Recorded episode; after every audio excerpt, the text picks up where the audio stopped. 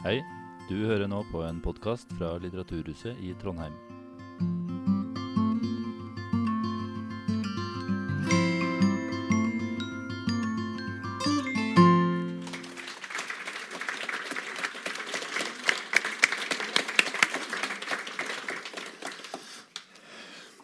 Ja, velkommen da til denne kvelden med Ranne Rosenquist og Torvald Steen.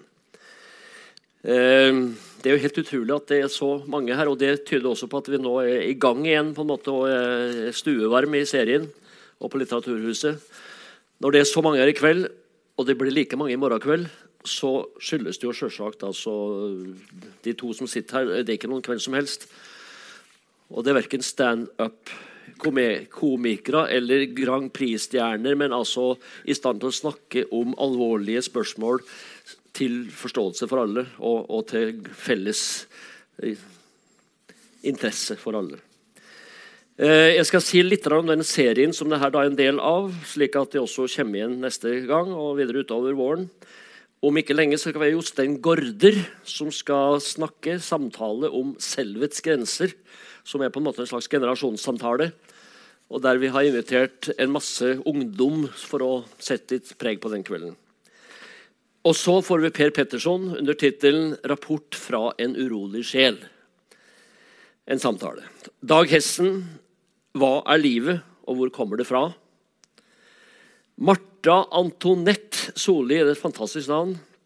Det minner om uh, keiserhustruen som oss kaker til de fattige, Maria Antonette. Men Martha Antonette Solli skal ta for seg 'Gutter mot verden'. Hun har en serie på NRK om, om mannens rolle i dagens samfunn. Og Så kan det vanke noen overraskelser videre utover våren, så følg med og, og kom igjen.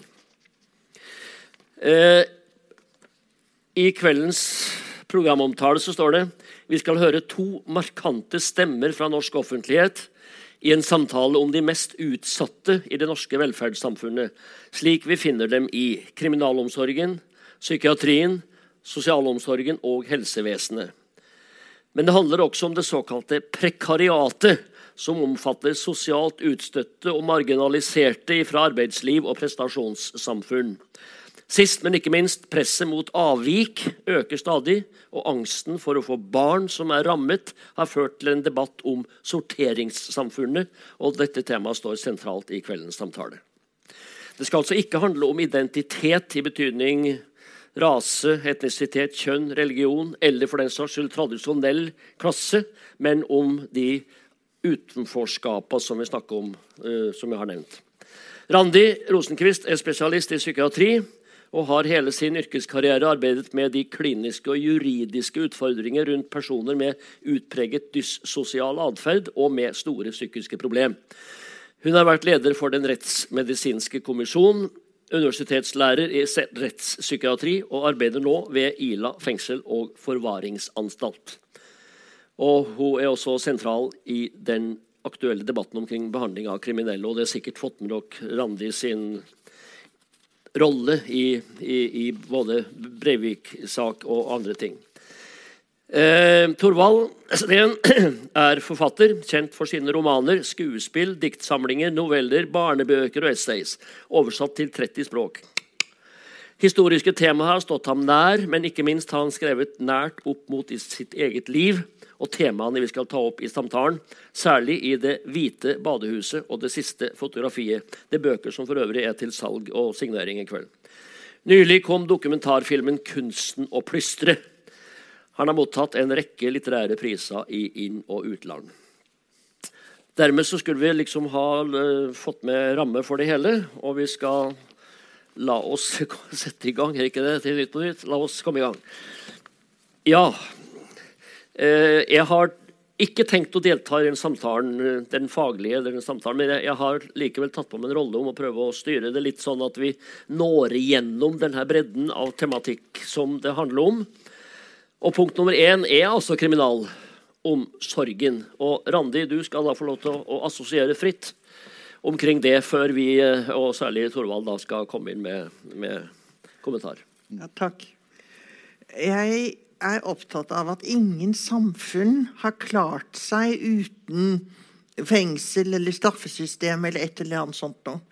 Det, så, så alle, alle, samfunn har hatt behov for å reagere, isolere, fjerne fra det gode selskap folk som har brutt samfunnets regler.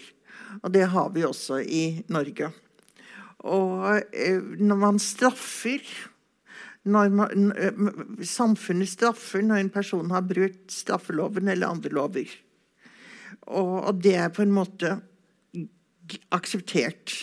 Nå er det jo slik at De færreste som blir straffet, er og reagerer på straffen sånn som Kasper og Jesper og Jonathan. Og, og, og, det er et utvalg av befolkningen som er gjenganger i fengsler. Kriminalomsorgen har jo en lang rekke straffereaksjoner. Og det strengeste er jo da eh, eh fe, ubetinget fengsel. Og så har du betinget fengsel. Og så kan du ha noe sånn ankel eh, elektronisk soning hjemme. Og så kan du få ha, ha, samfunnsstraff. Og det er en hel del straffereaksjoner som ikke nødvendigvis gjør at du sitter i fengsel. Men når vi snakker om de kriminelle, så snakker vi om de som sitter i fengsel.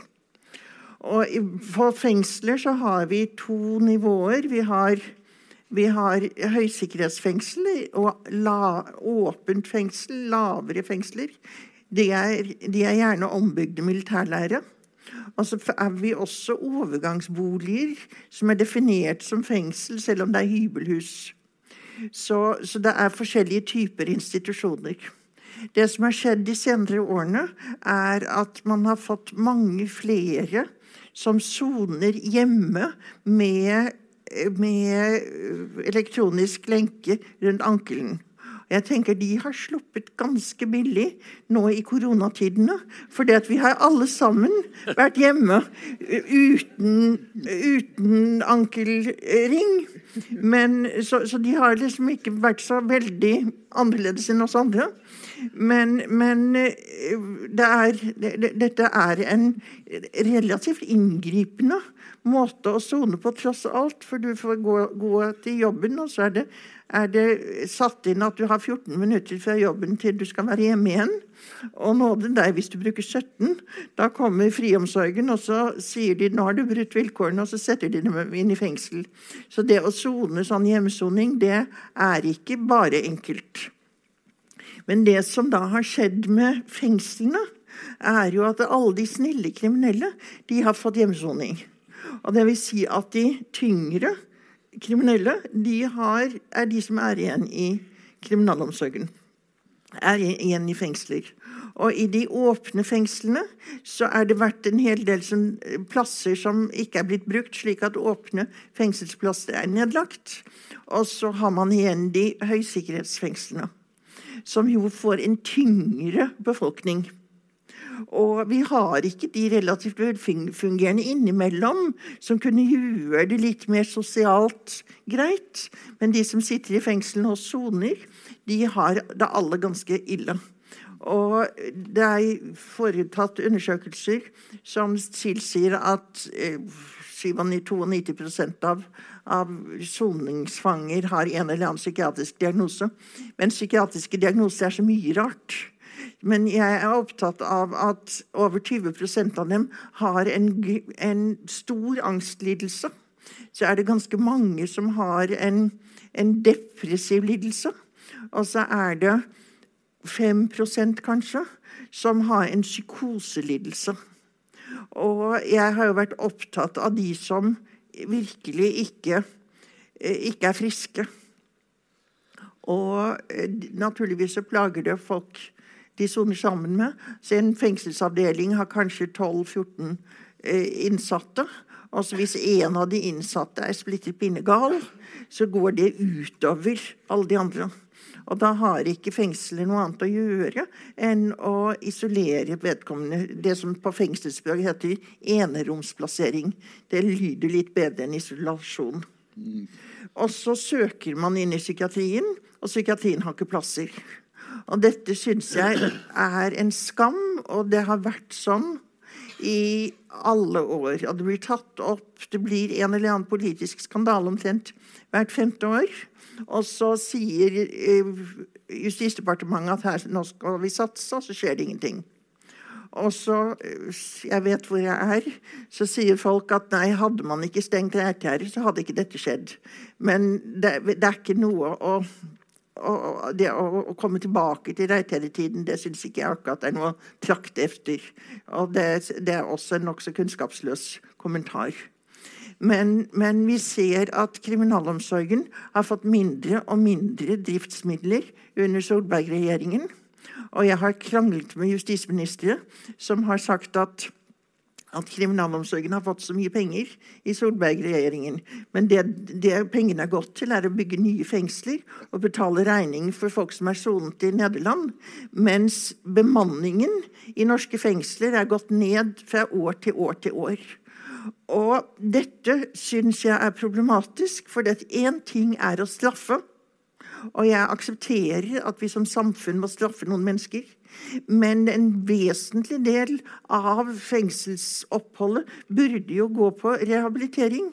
Burde jo gå på hvordan kan vedkommende lære å mestre sine, sine problemer bedre enn han gjorde før han kom i fengsel. Og det er der alt blir kuttet. Og øh, norsk fengsel, norsk kriminalomsorg, er egentlig ganske bra. Men det er ikke bra nok. Og jeg ser jo at de dårligst fungerende innsatte de får mindre psykiatrisk behandling enn de burde fått. Veldig mye mindre. Men også de som har sånn bare passe mengder med psykiske problemer. De blir ikke fulgt godt nok opp. Tenk dere en innsatt som går rundt og er fortvilt og lei seg og har depressive tanker og er urolig og får ikke konsentrert seg. Og hvis det hadde vært en tjenestemann som hadde kjent ham og sagt 'Kom, du, nå setter vi en bolledeig, så kan vi ha boller til nystekte boller til aftens', så hadde han blitt sett, og han hadde kommet i aktivitet, og eh, han hadde fått boller. og, og når det ikke lenger er rom for sånt, så vil han gå og grunne. Og kanskje han da vil prøve litt selvskading om natten eller, eller sånt noe, og komme videre i en, en veldig dum spiral. Så jeg er veldig skuffet over hvordan, hvordan eh, finansieringen av norsk kriminalomsorg har vært. Og jeg har jo jobbet da i ti år med forvaringsdømte. Og det er jo virkelig bunnen av kriminalomsorgen. Kriminal, de som er forvaringsdømte, de har stort sett tapt i skolen, i barnevernet.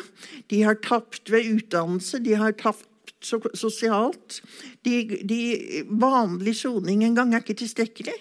Og så er det bunnfallet, som da kommer i forvaringsfengsel. Og jeg er jo veldig opptatt av disse. Jeg, og det, det, har jeg lyst til å snakke mer om når vi snakker litt mer om psykiatri. Men, men jeg er så opptatt av at de som ikke er i den dårligste kategorien, skal få en reell sjanse for å komme på bena igjen når de blir løslatt. Og kanskje faktisk norske fengselsstraffer er litt for korte. Og altså, Hvis du vet at du skal sitte inne fire måneder, så eh, kan du jo røke og spille Eh, spille bordtennis eller noe sånt noe. Men hvis vi skal sitte inne et år, så har, har kriminalomsorgen gode utdannelsesmuligheter. De, har, de burde ha iallfall muligheter for det vi kaller program, som er kognitive kurs om hvordan kan du tenke annerledes. De, de, kan gi innsatte erfaring med å stå opp tidlig og være edru sammen med andre voksne mennesker. Og eventuelt også, også, gjøre det som arbeidslederen sier, slik at man kan faktisk få til en normal eh, tilværelse hos unge menn som aldri har klart å leve noen, noen normal tilværelse. Men det forutsetter at man har rammene for norske fengsler. Og det har ikke fengslene nå. Og det, det syns jeg er ganske ille. Ja, Randi. Jeg kan snakke om dette her Ja, i to det- det er dager. akkurat det- det- ja, ja. Det vet jeg, og det er tut light, altså, Ja. om, om å liksom gå videre. Men hvis vi skal Kanskje vi har gapt litt for høyt også. Men, men eh, Torvald, har du Jeg du nok Jeg vil gjerne spørre Randi Ja. om eh, fordi som forfatter og som eh, pårørende og bekjent av fanger også, så, så syns jeg det er så eh, tydelig tendens Nå spør jeg psykiateren. Eh, da snakker jeg om fengsel som er på en grad ned, da, sånn som Moss hjelpefengsel og lignende størrelser, også her i fylket også. Eh, og jeg syns det er så sterkt å høre av unge innsatte, at, og ikke minst de som jobber der også, at det er eh, ca. 75% som har fått en diagnose med ADHD, liksom, i tidligere tider. ja. Hva, hva er dette en Så Er det sant Ja. eller ikke? Er det sekkebegrep, eller altså ADHD var en veldig populær diagnose for ti år siden. Ja. Nå har man autistiske trekk og, er Asperger. Det er, det, det er den the flavor of the year. Men det er klart at det er Altså, det, dette dreier seg mye om unge menn Ja. med dårlig konsentrasjonsevne, dårlig fremdrift, som, som har tullet og, og rotet, og som aldri helt er blitt sett. Og noen av dem har sikkert ADHD, men slett ikke alle.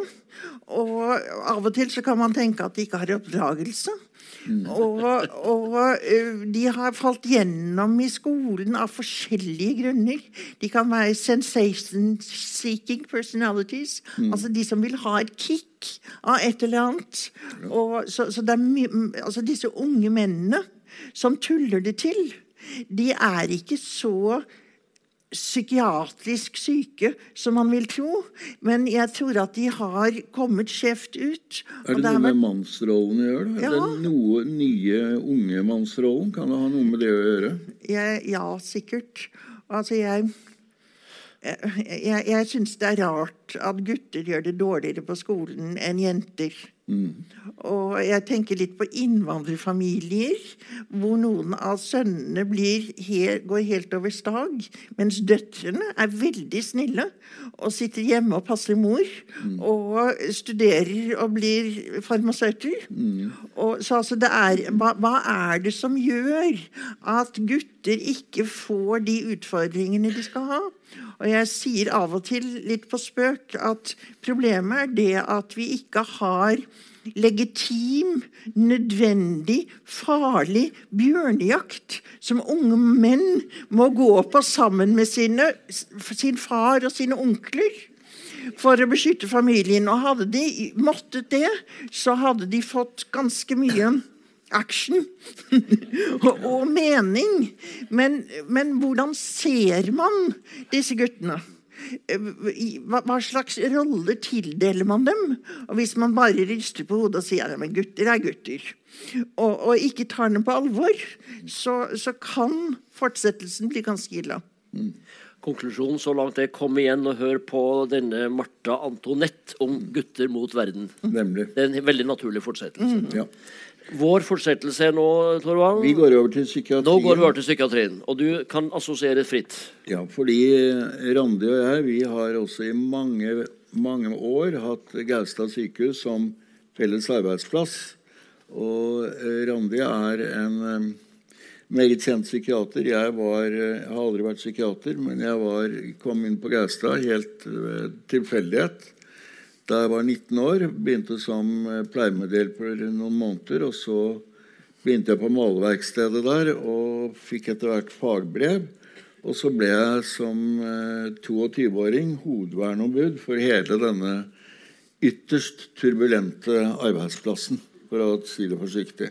En av jobbene mine var f.eks. å megle mellom psykiatere og psykologer. Megle, altså. Og ja, men det er, det er som alle andre arbeidsplasser. Det er ikke noe å kimse av. Men det var jo også å stå sammen med leger og pasienter og sørge for bevilgninger til psykiatrien. Jeg var hovedvernombud i nesten 20 år. Og jeg, da jeg debuterte som forfatter, så var jeg 29 år og nettopp hovedvernombud og malerformann. Ikke kunstmaler, men malerformann. Og eh, hele denne perioden nevner jeg fordi at da jeg ble eh, 30 år, så begynte jeg også å studere vitenskapsfilosofi for å prøve å sette meg inn i hvordan, eh, hvordan man tenker rundt eh, diagnosesetting og driver med, med psykiatri som fag. Så jeg, I dag så underviser jeg også da i regi av de som driver med spesialistkompetanse i psykiatri. Det er min bakgrunn. Men noe som jeg syns er et paradoks, og som jeg snakket om sist jeg var i Trondheim, og jeg syns jeg noen av, kjenner noen av dere igjen, det er at vi har kommet i en merkelig sirkel i, innenfor norsk psykiatri ved at uh, vi er, glemmer noen ganger det som var basisen for dette fattige landet Norge da det etablerte sin psykiatri. Og Det er altså tilbake til 1842. Jeg skal gi et kort riss, ikke for langt. Men i 1848 så ble det laget en sinnssykelov som slo fast følgende ting. Det å bli syk, det å bli psykisk syk, det kan ramme oss alle uansett stender eller klasse. Og Det er ikke noe med oppdragelse, men det er noe som virkelig kan ramme alle. Det andre som blir slått fast, det er at disse menneskene, uansett bakgrunn, skal ha rett til behandling, og denne behandlingen kan ta tid. Og det kunne man skrive bak, på bakgrunn av at man hadde gjort Innenlandsdepartementet i det fattige norske storting anno 1848 besluttet å lage Gaustad sykehus.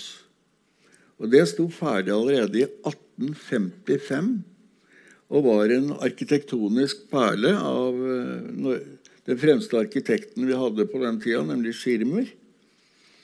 Og jeg hadde også det privilegiet da jeg var redaktør av boka til 150-årsjubileet, å lese meg opp på hvordan psykiaterne den gangen tenkte.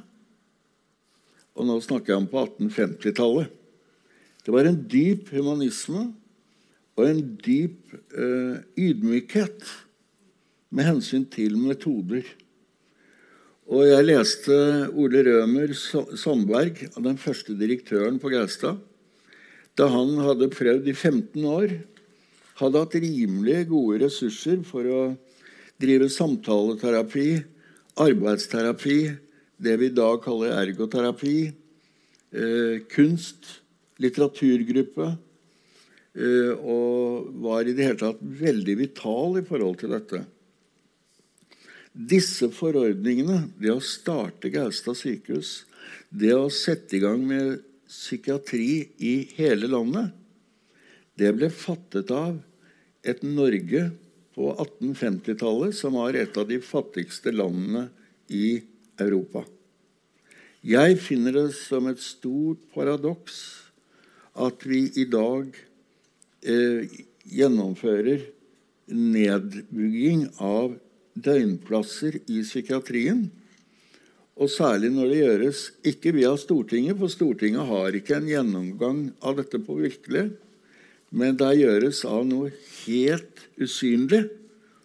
Noe som er nesten lenger unna enn København i gamle dager, nemlig helseforetakene. Og Det som er paradokset her, det er at um, vi er noen ganske få som i noen år har holdt på med å prøve å lage oppmerksomhet rundt dette. Eh, rundt det som skjer av nedbygging innenfor psykiatrien. Desto hyggeligere er det at nettopp gode Randi og co. har startet nå en landsomfattende aksjon for å bygge opp og forsvare døgnplassene innenfor psykiatrien. Det vil sikkert Randi komme tilbake til. Men jeg vil forklare hvordan denne nedbyggingen kunne komme i gang. Det aller viktigste grunnen var en feilslutning, etter min mening, og jeg vet at de som sto i spissen for det, eh, ville ikke ha sagt meg imot. Det var nemlig på eh, 19 1980-tallet, etter HVPU-reformer og det slike, så oppsto det en ulykkelig allianse mellom unge, dynamiske psykiatere og folk som jobbet i psykiatrien, ofte med et radikalt utgangspunkt, som mente at de psykiatriske institusjonene var bare dårlige og bare feil. At det ikke fantes noe bra der. Og så ble det laget, så sa grep noen for å ta en kort historie rundt det Noen innenfor byråkratiet tenkte at ja vel, vi kan bygge ned og fordele dette ansvaret til DPS-er eller til at bydelene skulle ta imot de psykiatriske pasientene. Primært så snakker jeg med basis i Oslo sine erfaringer. Men det var dessverre slik at noen av oss fikk rett i at det var ikke slik at bydelene sto klare til å ta imot sammensatte psykiatriske, eh, ofte krevende pasienter som tidligere hadde vært på institusjonene. Det som er veldig bra, er jo at mange av disse sentrale eh, aktørene de er med Randi og andre av oss som nå eh, jobber for å forklare politikere og andre at vi er klin avhengig av døgnplasser for å komme videre med å utvikle mennesker som har store psykiske problemer. Og det er akkurat de samme erfaringene som grunnleggeren av Gaustad sykehus, Ole Rømer Sandberg. Jeg kan bare nevne at han holdt på meget grundig som lege. Fra 1855 til 1870. Da skrev han, etter å ha holdt på i 15 år med å gi jernet hele tiden på alle pasienter, f.eks. Amalie Skram, som var hans pasient.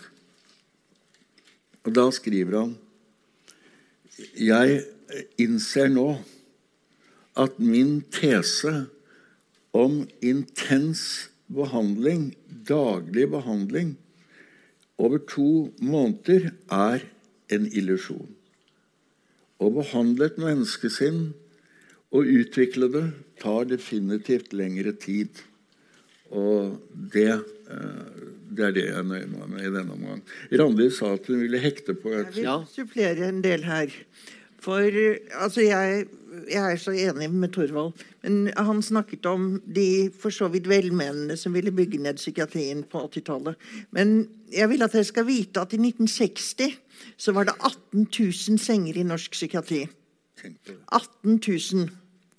Og det var da pasienter som det ikke hadde vært mulig å behandle.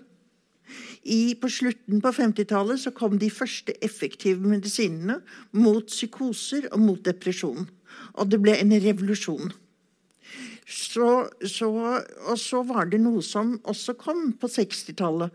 Og det tror jeg ikke dere ville tenkt på i det hele tatt. Men uføretrygden kom på, på 60-tallet. Folketrygden kom slik at pasienter som tidligere hadde måttet bo på psykiatriske sykehus for å få mat og klær og tak over hodet og medisiner og sånt noe, de ble selvstendige økonomiske individer. Slik at på 1970 75 så var det en hel del kronikere som var ganske dempet, og som kunne flytte hjem, enten i egen bolig eller hjem til familien. Og man så at her, her, at det har vært urimelig at de har vært så lenge i psykiatrien. Men behandlingen fantes jo ikke. Så, så, bygget man ned og bygget man ned de psykiatriske sykehusene. For på 1990 så hadde, hadde, man tre ganger så mange psykiatriske behandlingsplasser som man har i dag. På år 2000 så var psykiatrireformen og da skulle, man, da skulle man nedlegge det som den gangen het psykiatriske sykehjem. Og så skulle man lage aktive behandlingsplasser istedenfor. Og man skulle lage flere, eh, flere behandlingsplasser. Og etter seks år med, med psykiatrireformen så hadde man fått færre senger i psykiatrien. Og, så var også tenkningen at man skulle ha 50% mer poliklinisk behandling på DPS. Og man hadde fått 100% mer. Slik at man hadde sendt veldig mange pasienter til DPS, hvor det ikke var flere psykiatere og psykologer, men de hadde samtaler med, med sykepleiere og sosionomer og ergoterapeuter. Og de, sengetallet gikk ned. Og altså, i år 2000 så var det dobbelt så mange som i dag. Og jeg kan ikke skjønne annet enn at dette er ren økonomi. Økonomi kombinert med en, etter min mening, misforstått ideologi.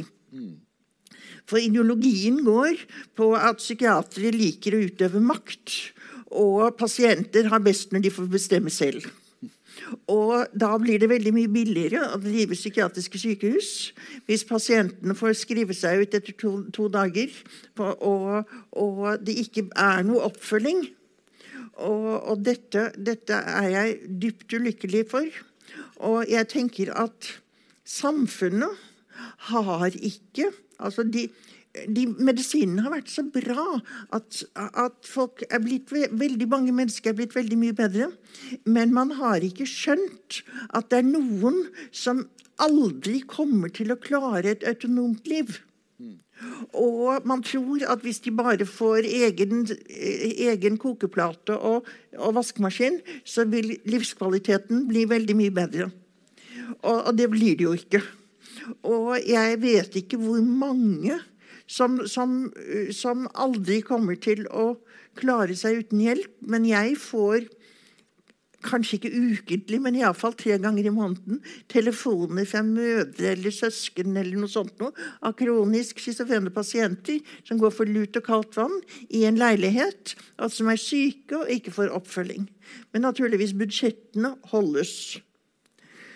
Eh, jeg hadde en diskusjon med Bent Høie for et drøyt år siden. og Han sa at nå måtte vi få litt flere sykehussenger fordi det var så mange som hadde fått dom til tvungen psykisk helsevern. Og jeg var jo enig med ham i at man burde få flere senger, men det var for å unngå at folk får dom til tvungen psykisk helsevern. For, og vi har nå omtrent 300 psykotiske som er blitt dømt til tvungen psykisk helsevern pga. antatt farlighet. Og i, i, i 2018 så var det 200.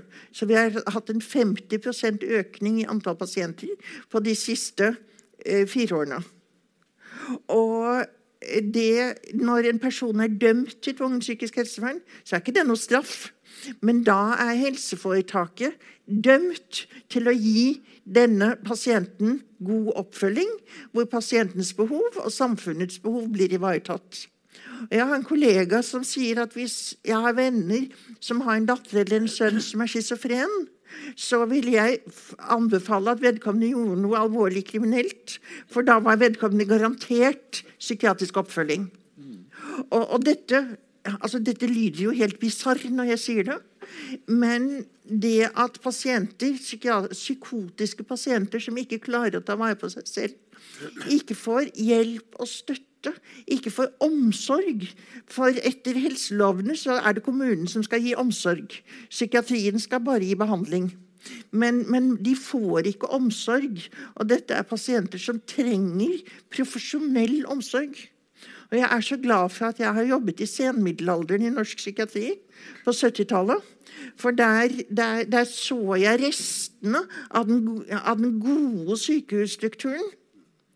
Og med omsorgen og ivaretakelse av folk som ikke kunne klare livene sine selv.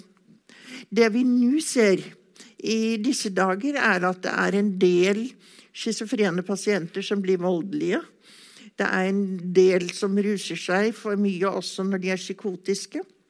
Men det finnes også mange andre pasienter som ikke er fare for naboen, men som sitter innelåst et sted, eller ikke, ikke innelåst, men inne i sin egen leilighet og tør ikke gå ut. Det, det finnes så mange som ikke får nødvendig oppfølging. Og jeg, altså, jeg, jeg syns det er så tragisk.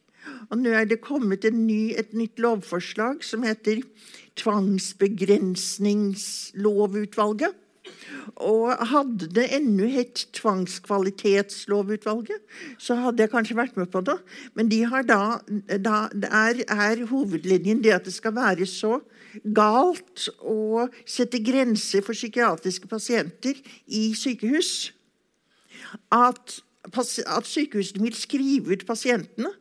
For det at man kan ikke stagge dem. Og jeg, jeg skjønner ikke hvordan folk tenker. Og jeg liker ikke at autonomi er den viktigste etiske verdi. Jeg tenker omsorg for dem som ikke klarer seg. At den, det er minst like viktig som autonomi for de som klarer seg. Men det som, det som, er veldig viktig, det som er veldig viktig for dere, og, og som du snakket om sist jeg var her, det er at dette, denne kampen, vi må dessverre kalle det det. det at det er faktisk en veldig sterk ideologisk bølge fra styrende hold om å legge ned heldøgnsplasser. Det er faktisk der vi er i eh, to, 2022. Og jeg snakket nylig med var nettopp på Innlandet i en helt annen sammenheng og møtte da folk som var i ledelsen av Innlandet når det gjelder denne sektoren, og var ganske overrasket over at da eh, yrkeskolleger av Randi eh, var klare på at de mente ikke at vi bør ha heldøgnsplasser i det hele tatt. Men det man trenger, er jo nettopp hele spekteret av behandlingsformer. Man trenger heldøgnsplassene, og så sier noen av de moderne psykiatere at vi har funnet mange andre metoder også. Ja, det har man. Men vi trenger alle disse eh, tingene, inkludert heldøgnsvarianten, som definitivt, som eh, Randi er inne på, koster også helt klart mest. Og det det, den største verdien psykisk helsevern har, det er de store tomtene fra psykiatriske sykehus, som når helseforetakene vil selge, vil realisere, for å bygge nye sykehus. Mjøssykehuset. Da skal de nedlegge eh, Reinsvoll og Sanderud sykehus. I Østfold så har de solgt Veum sykehus for, for å lage praktboliger. Ja. Og så har de en trang, trange avdelinger midt i et somatisk sykehus. Jeg vet at det ikke er fullt så gærent her, for dere har bevart Østmarka, så vidt jeg skjønner. Brøset er solgt, og nå har det jo vært så forferdelig mange sykehus i, psykiatriske sykehus i Trondheimsområdet. Mm. Men jeg ser jo at utbyggingen på øya den jo, er jo ti år forsinket. og neppe den kapasiteten som man ville ha. I Oslo så planlegger man nå med ytterligere 25% reduksjon av psykiatriske sengedøgn i, med de nye sykehusplanene. For det at pasienten vil heller være hjemme og få sin service fra kommunen. De har ikke spurt kommunen, og de har ikke spurt pasientene. Nei. Og, og det, for å få til dette vanvittige store byggverket midt på Gaustadjordet, så er det denne forutsetningen er altså å flytte psykiatriske pasienter til Sinsenkrysset. Og jeg ringte før jeg kom inn her til Torgeir Brun-Willer, som er professor i geriatri. For jeg måtte bare sjekke om det var riktig. Eh, han og Hans Petter Heier og jeg hadde skrevet en kronikk for eh, noen eh, måneder siden i Dagsavisa. Og der skrev vi med belegg fra Torgeir Brun-Willer om at man forventer disse, For å få til dette byggeprosjektet så må man redusere antallet pasienter i psykiatri, jf. de tallet som ble nevnt. Og når det gjelder oss andre, så gjelder somatikk, og ikke minst eldre. Vi må ned 30% der også. Ja. Sånn at uh, det er en ganske heftig tid hvor uh, folk ikke blir psykisk bedre. Og vi blir faktisk eldre. Og vi blir flere eldre. Eller gamle, godt gamle. Og ære være at vi holder ut. Men, eh, men vi skal ikke stole på planleggerne våre når det gjelder hvor vi skal være eh, i framtida. Og jeg tenker også at psykiatere og psykologer blir mindre kompetente. Og det tror jeg er fordi at de ikke får lov til å bli kjent med pasientene. De skal over og ut, over og ut og videre i den psykiatriske behandlingskjeden. Og pasientene kommer hele tiden til nye mennesker og må da fortelle det samme om igjen og om igjen. Men det som er det helt grunnleggende i psykiatri, det er å arbeide med relasjonen. Og jeg tenker Det er det helt sentrale for for mennesker at man har gode relasjoner med andre mennesker. Og hvis du har omfattende psykiske problemer, så klarer du ikke det. Og da må du øve deg opp med gode relasjoner til profesjonelle. Ikke bare noen som skal skrive deg ut i løpet av et par dager og sende deg videre til nestemann. Jeg fortalte at jeg snakket med Jeg var på et sånn Når man skal utdanne seg til å bli spesialist eller bli psykiater, da, så gjennomgår man kurs og praksis osv. Men det var 35 som var på dette kurset som jeg var på. Eh, og der var altså De, de 35 var veldig sjenerøse i forhold til forskjellige måter å tenke på når det gjelder behandling av en pasient.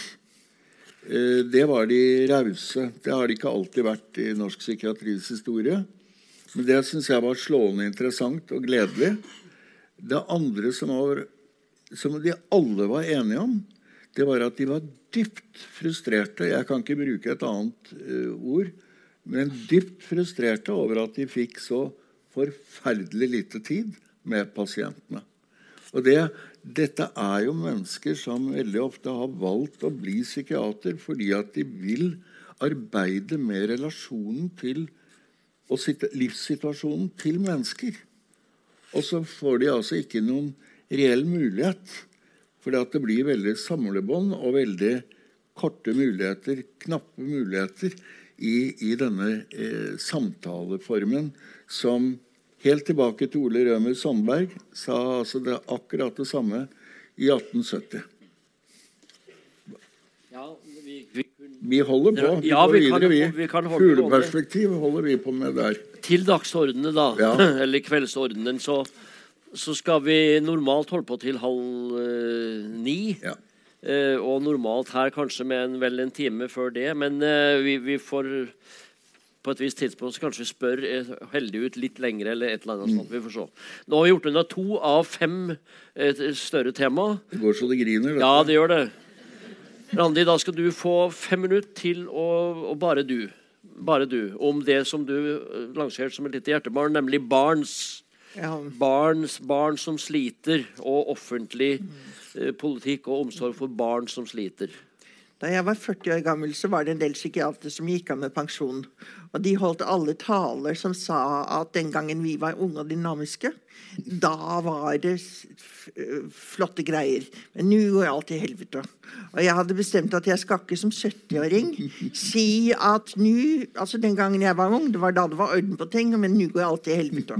Men jeg lurer. Og eh, jeg, er, jeg er ikke imponert over den offentlige omsorg for barn. Jeg tror at det er helt galt at barn har det best i barnehage fra ettårsalderen.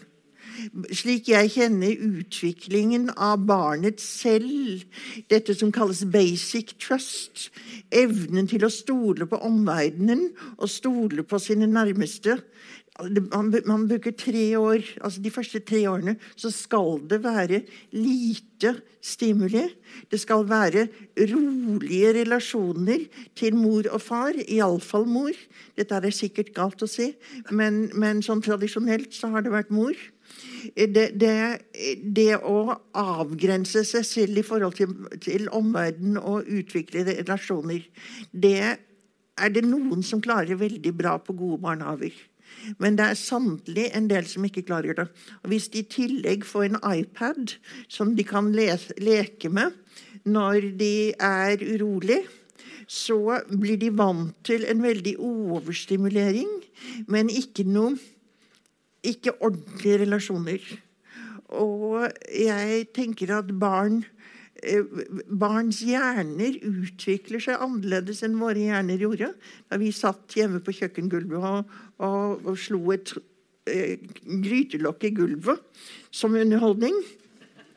Men, men det, å, det, at man hele tiden blir stimulert, hele tiden nye mennesker, hele tiden nye aktiviteter, eh, det gjør at eh, konsentrasjonen ikke utvikler seg. Nå vet jeg at det er så moderne i norsk skole at man skal ha dybdelæring. og sånt, og Jeg vet ikke hva dybdelæring er. Men hvis du ikke kan konsentrere deg, så kan jeg ikke helt skjønne hvordan du skal lære dybdelæring heller. Men, men så er det også så, dette at barn skal kunne bestemme veldig mye selv. Og det er jo vakkert. Og jeg syns ikke man skal slå barn. Syns ikke det.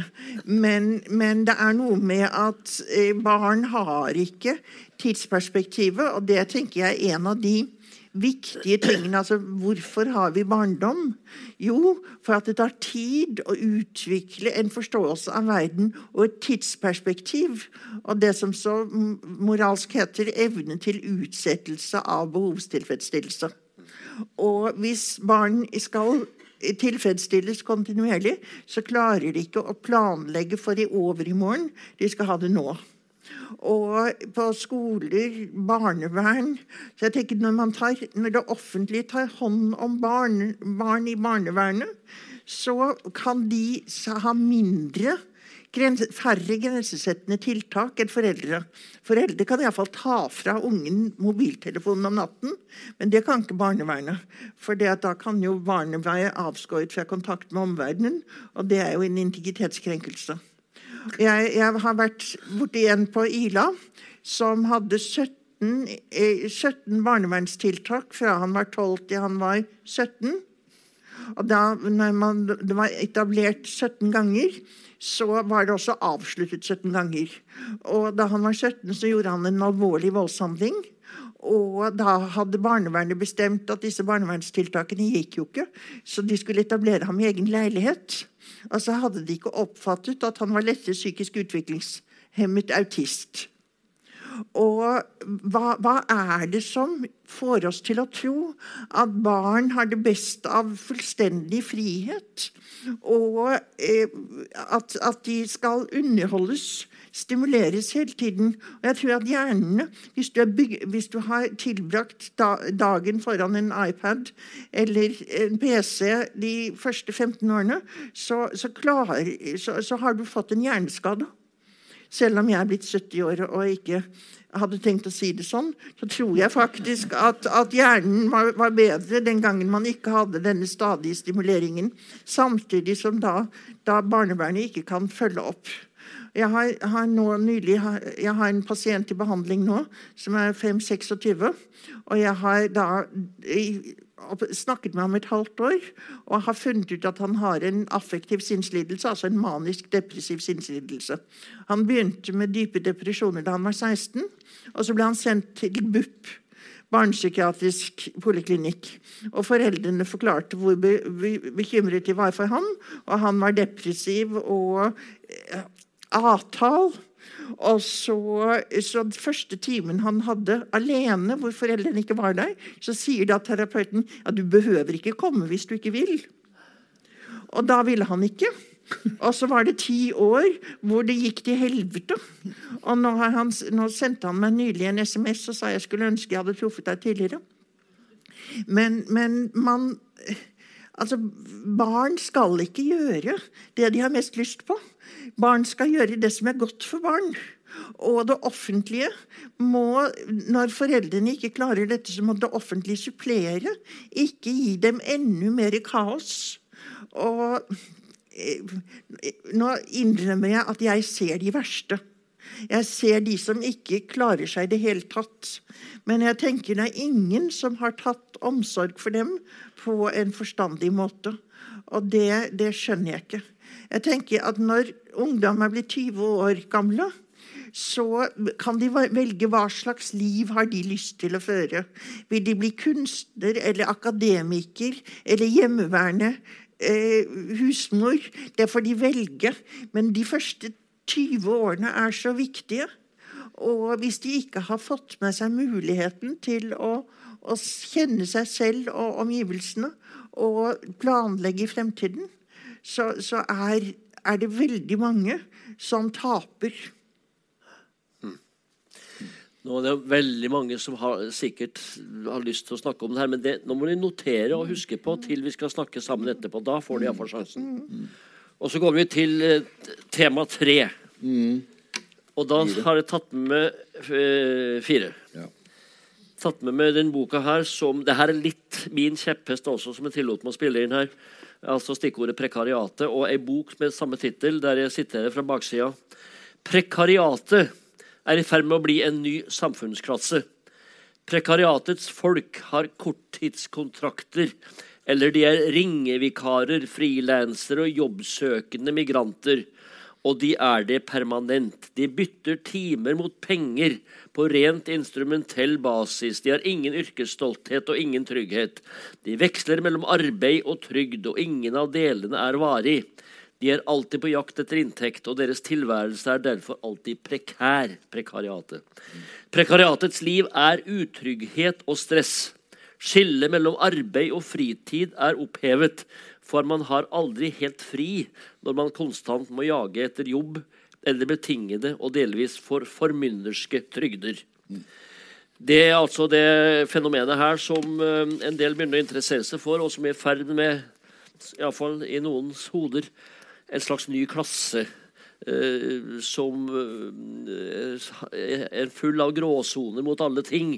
Mot psykiatri, mot klasse, mot økonomisk klasse, men også mot eh, Så Torvald, du, jo, du tente jo litt på det her. Jeg tenner på dette fordi jeg ser det stadig mer rundt meg. Jeg er en som sitter i en rullestol. Jeg er definert Jeg er funksjonshemmet. Jeg har en kronisk lidelse som blir verre. Eh, Jeg er i en eh, har familie med voksne barn som har flyttet ut. Men jeg har en kone som er yrkesaktiv. Og jeg er avhengig av andres hjelp for å komme i gang med det jeg, som er min arbeidsdag nå for tida, nemlig å være forfatter. Jeg er forfatter på heltid, men jeg hadde ikke vært mulig for meg å fungere i dette samfunnet uten at jeg hadde hatt personlig assistent eller vært, uh, hatt hjemmesykepleien i byen jeg bor. Men alle som har disse funksjonene rundt meg, de tilhører dette sjiktet som vi hører om her. De får ikke faste kontrakter.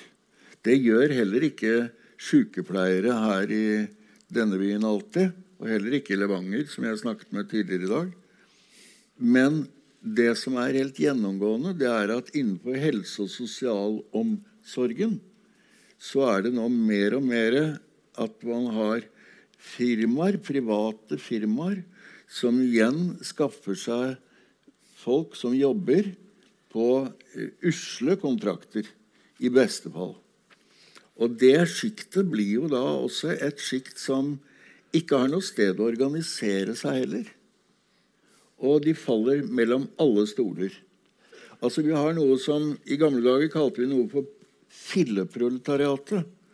Det er altså rett og slett de som ikke er med her engang. Det er folk som er hele tiden sosialklienter. Mens disse menneskene, som det sto på den baksida som Per Bjørn leste opp, de jobber hele tiden med å skaffe seg jobb. Og de får prøver å få flere ting til å møtes. Trygd og jobber. Men de er ikke i nærheten av å være interessante for LO-systemet. Min bestefar gikk til grunne i min morfar, som hadde min sykdom. Han gikk til grunne og døde ved at han knuste panna mot eh, brosteinene på Youngstorget i 1937.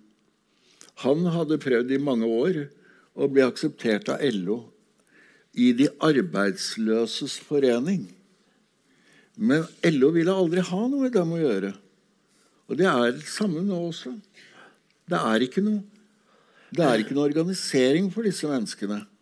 Mens bygg og anlegg, hele helse- og sosialsektoren, faktisk deler av journalistikken, eh, NRK, til og med eh, akademia ved universitetet, har et sånt lavere sjikt som aldri når opp til, til dette her, eh, sjiktet som får da disse eh, fantastiske fast Har du fast stilling?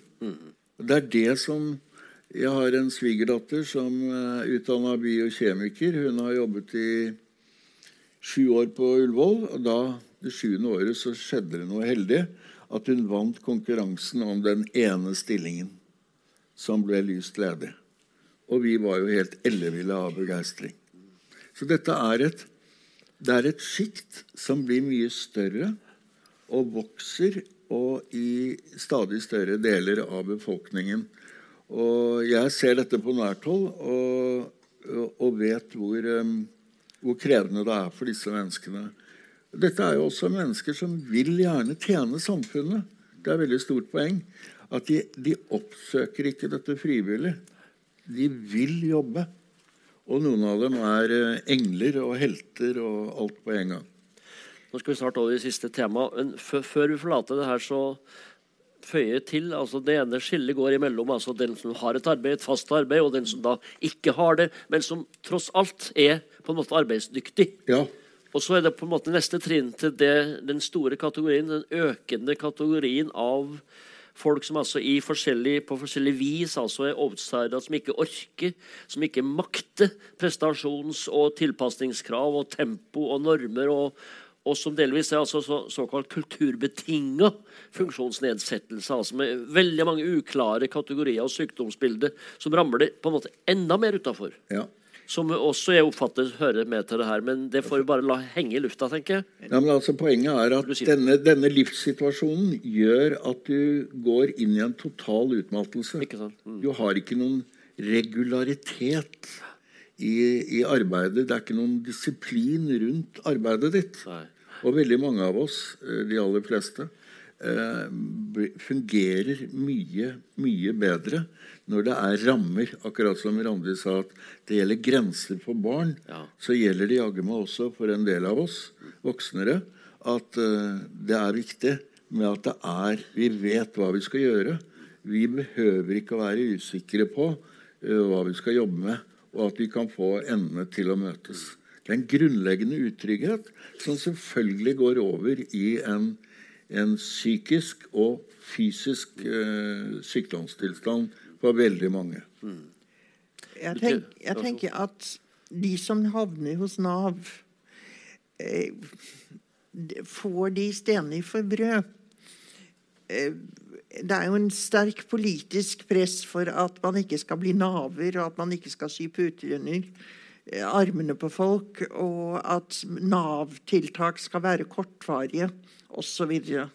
Men hvis du har gått fra du var 17 til du var 27, og ikke helt klart å få deg en jobb, og ikke altså falt gjennom på den måten som Thorvald sier, og har lengre og lengre perioder på sosialhjelp og sånt noe, kanskje man skulle være flink mer villig til å betale en utdannelse, og ikke et nytt truckførerkurs. For altså disse tiltakene som Nav har for å sette folk i jobb, det er jo nettopp å sette dem i jobb i denne type stillinger, som, som er ikke helt pålitelige arbeidsgivere bestandig. Og, og det at man kunne se på altså den som har gått seg helt tung og tom som 25-åring og ikke fått til noe, noe, noe fast.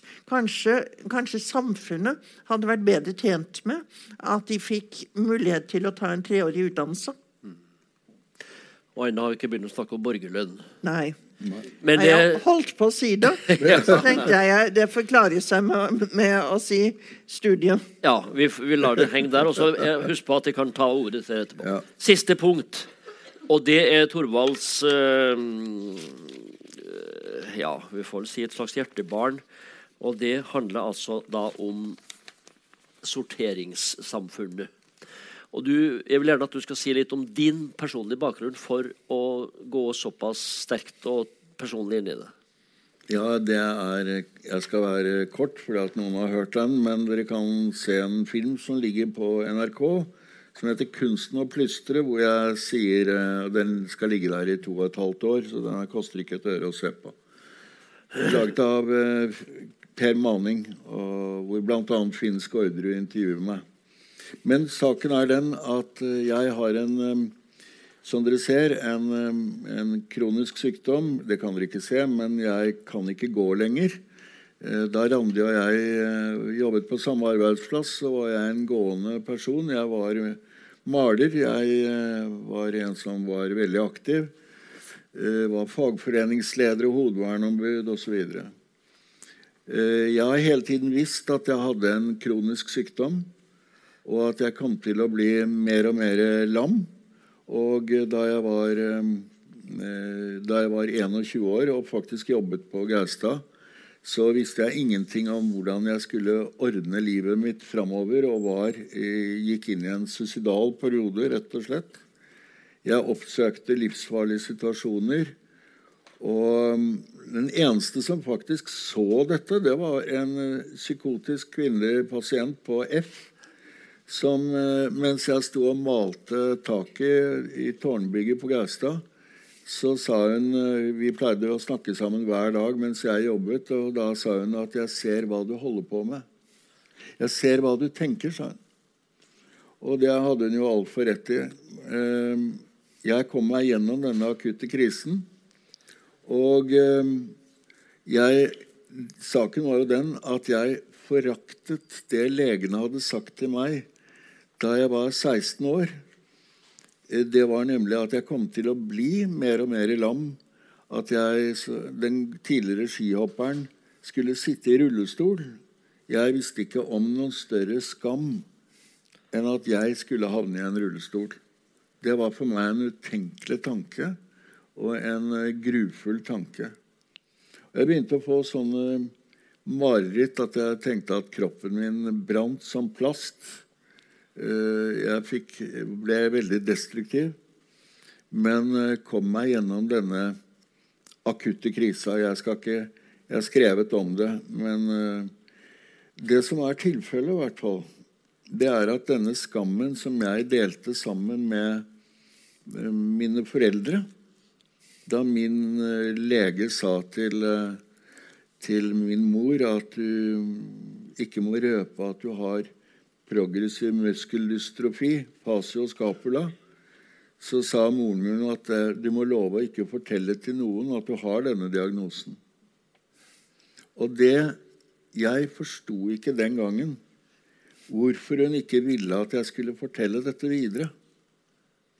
Men jeg var enig med henne, for jeg hadde ikke noe behov for å fortelle til alle og enhver at jeg skulle komme til å bli mer og mer lam framover.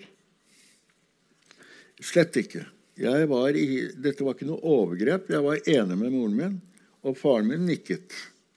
For du vil vel ikke bli betraktet som et offer, sa min mor. Nei, jeg var enig med henne. Men kan jeg fortelle om dette til mormor? Du har vel ikke lyst til å gjøre henne ulykkelig? Nei, det hadde jeg heller ikke. Og dere, jeg må bare si, jeg var år, 16 eh, år da dette skjedde. Og ikke, Denne fasen var ikke noe overgrep. Jeg var enig med de voksne som sa dette. Poenget var at overgrepet kommer når jeg blir 21 og denne ikke si noe-linja blir gal. Den blir destruktiv. Jeg vil ødelegge meg selv og ser ikke noe framtid. Det er å gjøre et overgrep.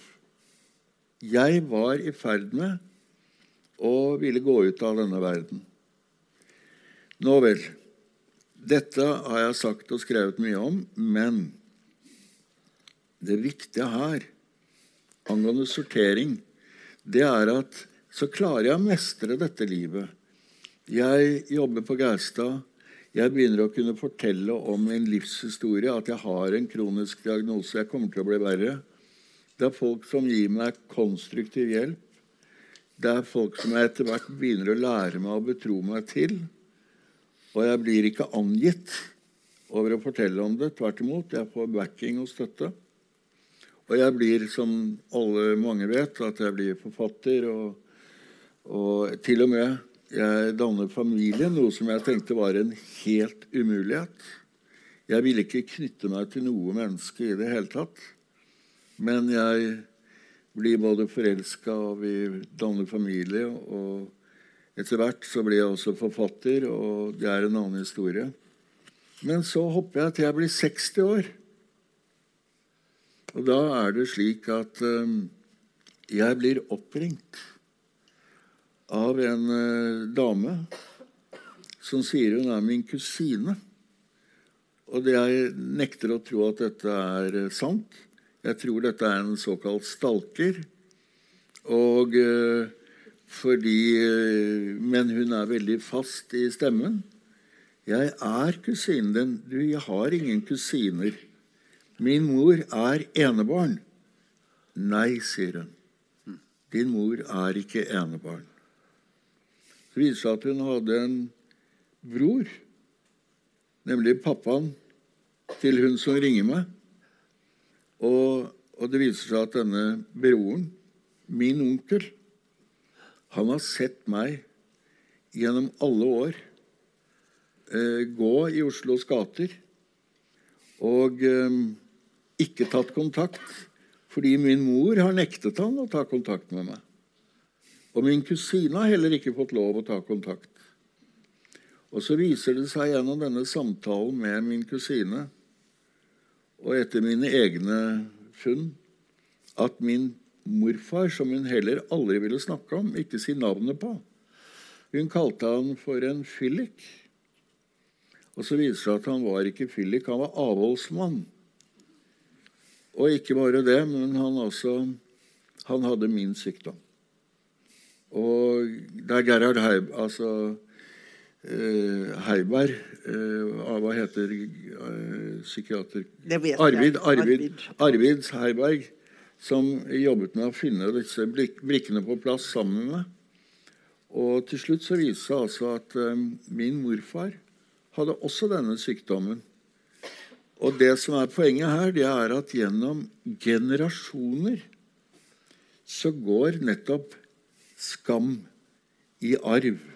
Man tenker med skam om annerledeshet i veldig stor grad. Og jeg er blitt veldig overrasket over hvordan jeg selv har vært med på å tolke skam i forhold til meg selv. Jeg tenker på, jeg har skrevet om de samtalene med moren min og meg selv, om hvordan hun kunne ha livet for meg gjennom alle disse årene. Det er ikke fra min side noe bittert oppgjør av noe slag. Jeg er bare grunnleggende nysgjerrig på hvordan skam kan prege en. Og slik at min onkel han tok ikke kontakt fordi han skammet seg selv. Skammet seg over sin egen skjebne ifølge min kusine. Og min, min øh, onkel han øh, var i den tilstanden at han øh, ikke turte å, å, nevne det fordi han selv var skamfull i forhold til dette. Så vil noen kanskje si ja, men dette her, det er, nå er dette over, Torvald. Skam er ikke en viktig sykdom lenger. Men jeg mener, min påstand er at både når det gjelder store deler av somatiske sykdommer, men også psykiatri, at man får psykisk behandling, det er for mange skamfullt. Og det er stor forskjell med å være et relativt kjent navn og, og ikke være det. For mange blir preget av denne skammen, og det blir hemmeligholdt rundt, livet, eh, rundt livene våre. Jeg ble eh, For to og et halvt år siden så ble jeg spurt av eh, prosten i Østre Aker. Det er en kvart million mennesker. Og der man, har man 35 sogneprester. Og det som alle disse sogneprestene ville, det var at Torvald Steen, ateisten Torvald Steen skulle snakke om eh, synd, skyld, soning og skam. Fordi at dette henger i uansett religion og klassebakgrunn. Og etter det så ble jeg spurt også om eh, å snakke med i Oslo legeforenings ledelse, fordi det er, en, det er en veldig stor folkesykdom som går på det og skam, og det at man blir i denne sammenhengen sortert man blir sortert vekk. Og i dagens samfunn så er det slik at eh, den nye medisinske teknologien gjør at man eh, kan sortere vekk stadig flere av oss. I dag er det ikke noe vanskelig å sortere vekk en sånn en som meg. Det er ikke overgrep. Det regnes ikke som å være kriminelt. Det er rett og slett helt lov. Og jeg mener, for å konkludere Jeg tror at hvis flere uh, får erkjennelse om at man kan leve fullverdig liv selv om man er annerledes, så vil flere ture å satse på å få nettopp barn som er også annerledes. Jeg bebreider ikke de som stopper en sånn utvikling, men det er også veldig stort poeng i vårt samfunn å si at det går an å leve fullverdig liv, og også kunne si at jeg er svært glad for at moren min satte meg til verden, og jeg er fryktelig takknemlig for at jeg rakk å si det mange ganger før hun døde. Så Det er viktige poeng, syns jeg. Og sorteringen Jeg leser hvert år verdenskongressene i pediatrikongressenes eh, oppsummeringer av hva som har foregått. Og de stadig store og sterkere maktene, som eh, Russland, Kina, USA og andre, er veldig aktive i å finne ny teknologi som kan ikke, ikke drive med rasebiologi, men menneskebiologi. Og renske ut sånne som er litt annerledes, som går litt saktere, ruller litt saktere. Altså som har høy piggsvinfaktor. Uh, jeg er for at vi har flere piggsvin, flere lundefugler og, og andre spennende og rare vekster. Ja